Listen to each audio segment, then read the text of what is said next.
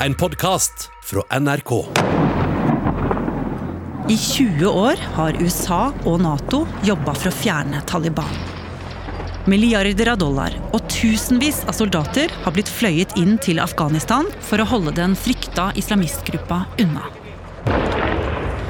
Men i skyggene av fiendens bastioner la Taliban en hemmelig plan for å ta makta tilbake.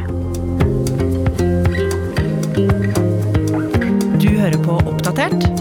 Jeg heter Ragna Nordenborg. Det mange husker godt fra høsten 2001, det er bildene fra Afghanistan der eh, likene av Taliban-krigere ble slept ut av eh, huler og, og ned fjellsidene. De hadde blitt drept i enten bombeangrep eller i kamper med amerikanske og allierte styrker. Og dette var en krig som hadde stor støtte i Vesten. Eirik Veum er journalist i NRK.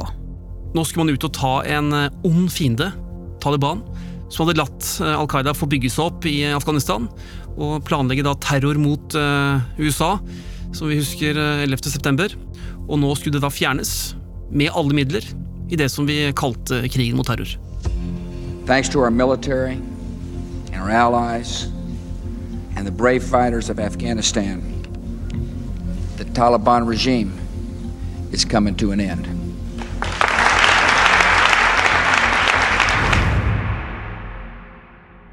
Og det var jo veldig mange glad for, også mange afghanere. For dette var jo en frykta gruppe. De styrte etter strenge, konservative sharialover. Eh, musikk og TV var jo blant annet forbudt, og kvinner fikk jo ikke ta utdannelse. Men det var jo noen som kom seg unna av Taliban-krigerne. For dette var jo dyktige fotsoldater med mange års erfaring med å leve i vanskelige forhold i fjellet. Ja, de gjemte seg. I huler og på skjulesteder. Og eh, selv om de var kraftig redusert, så var de ikke borte. Og en dag, i 2014, skjedde det noe som skulle gi Taliban håp om å få makta tilbake i landet og gjeninnføre sitt regime. Afghans will be fully responsible for securing their country. We will no longer patrol Afghan cities or towns, mountains or valleys. That is a task for the Afghan people. Da sa Nato at fra nå så skulle ikke lenger de ha kontrollen i landet. Nå var det den afghanske regjeringshæren som var bygget opp av Nato, som skulle stå imot Taliban aleine. Amerikanerne og Nato skulle drive med opplæring og støtte, slik at de en dag kunne trekke seg helt ut av landet. Og Eirik, selv om det var gode nyheter for Taliban, så visste de nok også at de måtte gå smart fram for å nå målet sitt. Hva gjorde de? Taliban de legger om strategien. Det de gjør, er at de styrker seg ut på landsbygda. Der eh, har ikke regjeringshæren eller de internasjonale styrkene noe særlig tilstedeværelse eller kontroll. Dit drar Taliban og bygger seg opp. De etablerer eh, skoler, helsestasjoner, de sørger for ro og orden, og de greier mange steder til en viss grad å oppnå tillit hos innbyggerne der. Og hvordan endra de den militære strategien sin? Det vi så, var at det ble noe mindre fokus på terror. Fortsatt så drev Taliban og sendte ut selvmordsbombere, men de tok noe mindre ansvaret for slike aksjoner. De var ikke så opptatt av å fortelle om dem som tidligere. De gikk vekk fra geriljakrigføring og begynte i stedet å etablere forsyningslinjer mellom større områder, så de kunne frakte våpen, ammunisjon og, og styrker. De eh, etablerte depoter, hvor de da kunne gå og hente ut utstyr under en uh, operasjon. Og ikke minst så etablerte de også en sanitetstjeneste som kunne redde liv når Taliban-krigere ble skadet ute på uh, slagmarken. Og alt dette her skjedde i det stille, men man bygget seg opp og gjorde seg klare til å kunne gjennomføre større militæroperasjoner når etter hvert regjeringsstyrkene ville møte dem alene. Og det så jo ut til at Taliban var godt i gang med å gjennomføre strategien sin. Og de ble jo tilsynelatende ikke stoppa heller. Men det hadde jo sin forklaring, Eirik. Altså Nato og eh, det afghanske regimet var mest opptatt av byene, å holde kontroll der. Det som skjedde ute på landsbygda ble vurdert som lite interessant. Man var klar over at Taliban var der, og at de også bygget seg opp, men eh, man hadde mer i fokus gjennom disse siste årene på å trene opp denne nye hæren, eh, bygge en ny stat, skape da et uh, demokrati og et samfunn. Og de fikk nok med seg det som skjedde, men slik er det også i krig. At du må tåle at fienden din gjør og har aktivitet. Og så lenge de ikke truer deg direkte, så lar man de kanskje bare få holde på. Og i 2020, altså i fjor, så skulle Taliban komme enda et steg nærmere sitt mål om å ta makta i landet. I am not looking to kill hundreds of thousands of people in Afghanistan, many of them totally innocent. We are working to finally end America's longest war and bring our troops back home. USAs president Donald Trump, som var imot krigen i Afghanistan, ivret etter å få i stand en fredsavtale mellom USA og Taliban. Og en slik avtale kom på plass.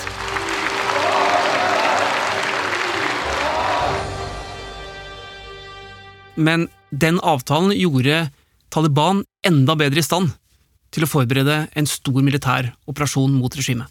Ja, for da kunne jo Taliban fritt bevege seg rundt i landet. Og så skjedde endelig det Taliban hadde venta på i snart 20 år. USAs nye president Joe Biden sa at nå skulle det skje.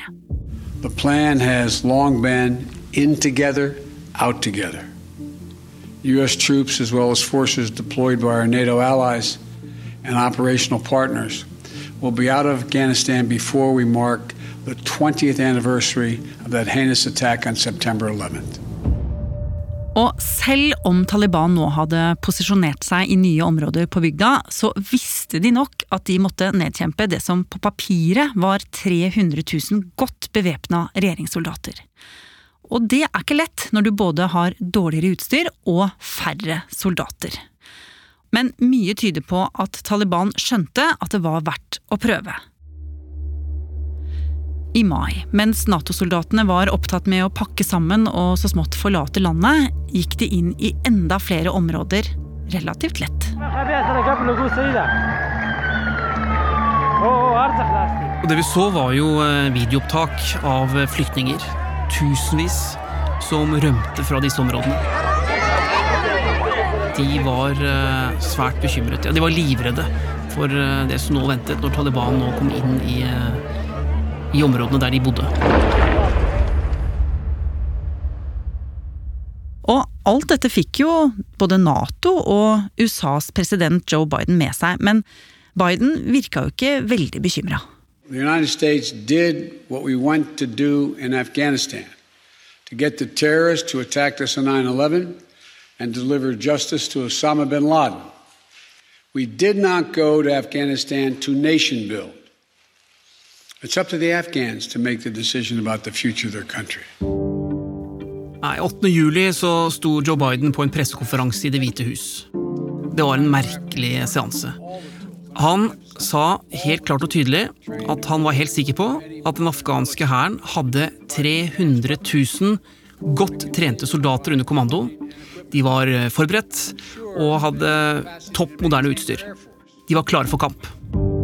We provided advanced weaponry and we're going to continue to provide funding and equipment, and we'll ensure they have the capacity to maintain their Air Force.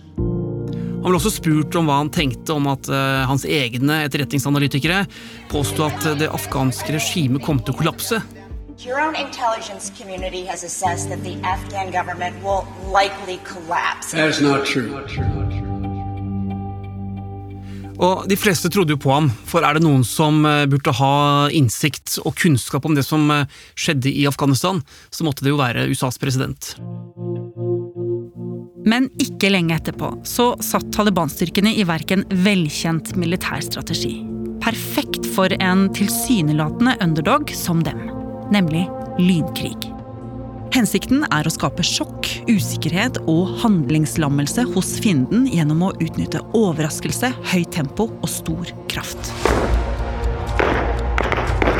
I Afghanistan har Taliban nå tatt kontroll over byen Faizabad nord i landet. Det meste av de nordlige og vestlige delene i Afghanistan er nå under opprørernes kontroll. The Taliban continues its offensive. The terrorist group has taken control of the city of Kandahar. Ingen så for seg at Taliban så raskt skulle få kontroll over så store deler av landet. De tok eh, by etter by provins etter uh, provins. Og det mest sjokkerende var jo å se hvordan regjeringsstyrkene, altså soldatene som da skulle kjempe for regimet, de bare ga opp. En gruppe Taliban-krigere går rett og slett bort til en stilling med, med regjeringssoldater, eller kontakter dem på annen måte. Ber de om å overgi seg, og det, det gjør de. De tar av seg uniformene, legger fra seg våpen, hjelm, skuddsikker vest, gir fra seg ammunisjon tar på seg sivile klær, og så går de hjem. De rett og slett bare gir opp. Og så skjedde det ingen trodde var mulig for bare kort tid siden. Søndag 15. august falt Kabul. Taliban har begynt å ta seg inn i Kabul-området. En leder i Taliban sier krigerne har fått beskjed om å unngå vold og gi fri vei til alle som vil reise fra byen. President Ashraf Ghani han eh, dro av gårde i et helikopter. Rømte fra landet sitt.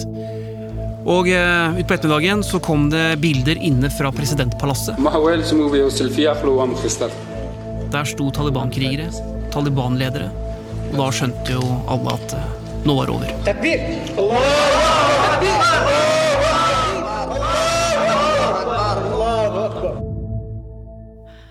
Og det alle spurte seg om, var jo hvordan var dette mulig? Hvordan kunne denne topptrente hæren bli overrumpla på den måten? Det er mange forklaringer på det, men du kan gi soldater det beste utstyret, de beste uniformene, skuddsikre vester, hjelmer, ammunisjon, alt. God trening. Men det hjelper ikke hvis de ikke er villige til å slåss og beskytte regimet de er satt til å passe på.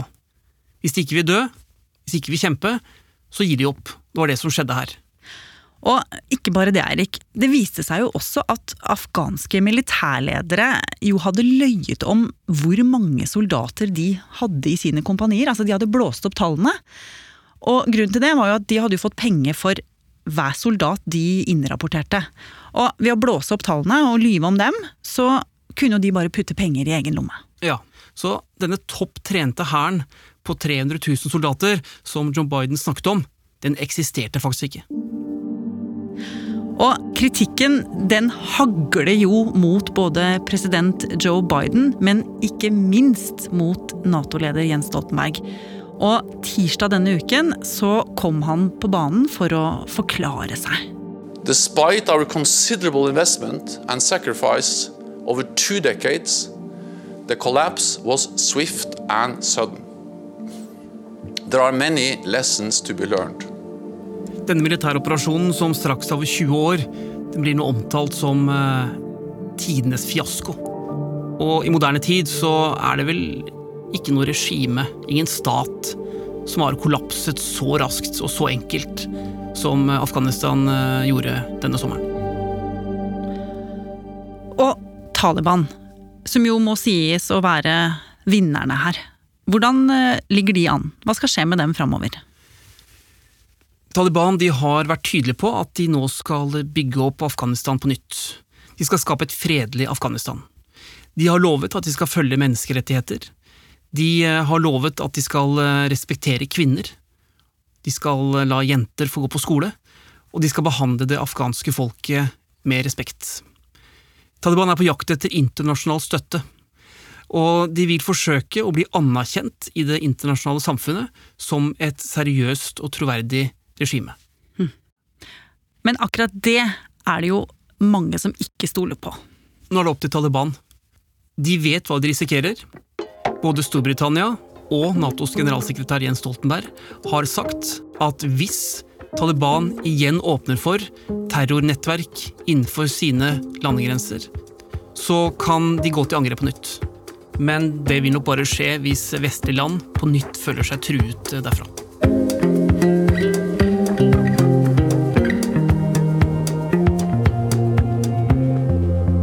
Har du lyst til å bli fast lytter av oss i Oppdatert og få påminnelse om nye episoder, er det bare å følge oss i NRK radioappen. Og så er det veldig hyggelig hvis du vil anbefale oss til en venn. Oppdatert er en podkast fra NRK Nyheter. Og denne episoden er laget av Ida Tune Øritsland, Andreas Berge og meg, Ragna Nordenborg. Knut Are Tornås er redaksjonssjef. Vil du kontakte oss, gjør gjerne det på oppdatert krøllalfa nrk.no. Du har hørt en podkast fra NRK. Hør flere podkaster og din favorittkanal i appen NRK Radio.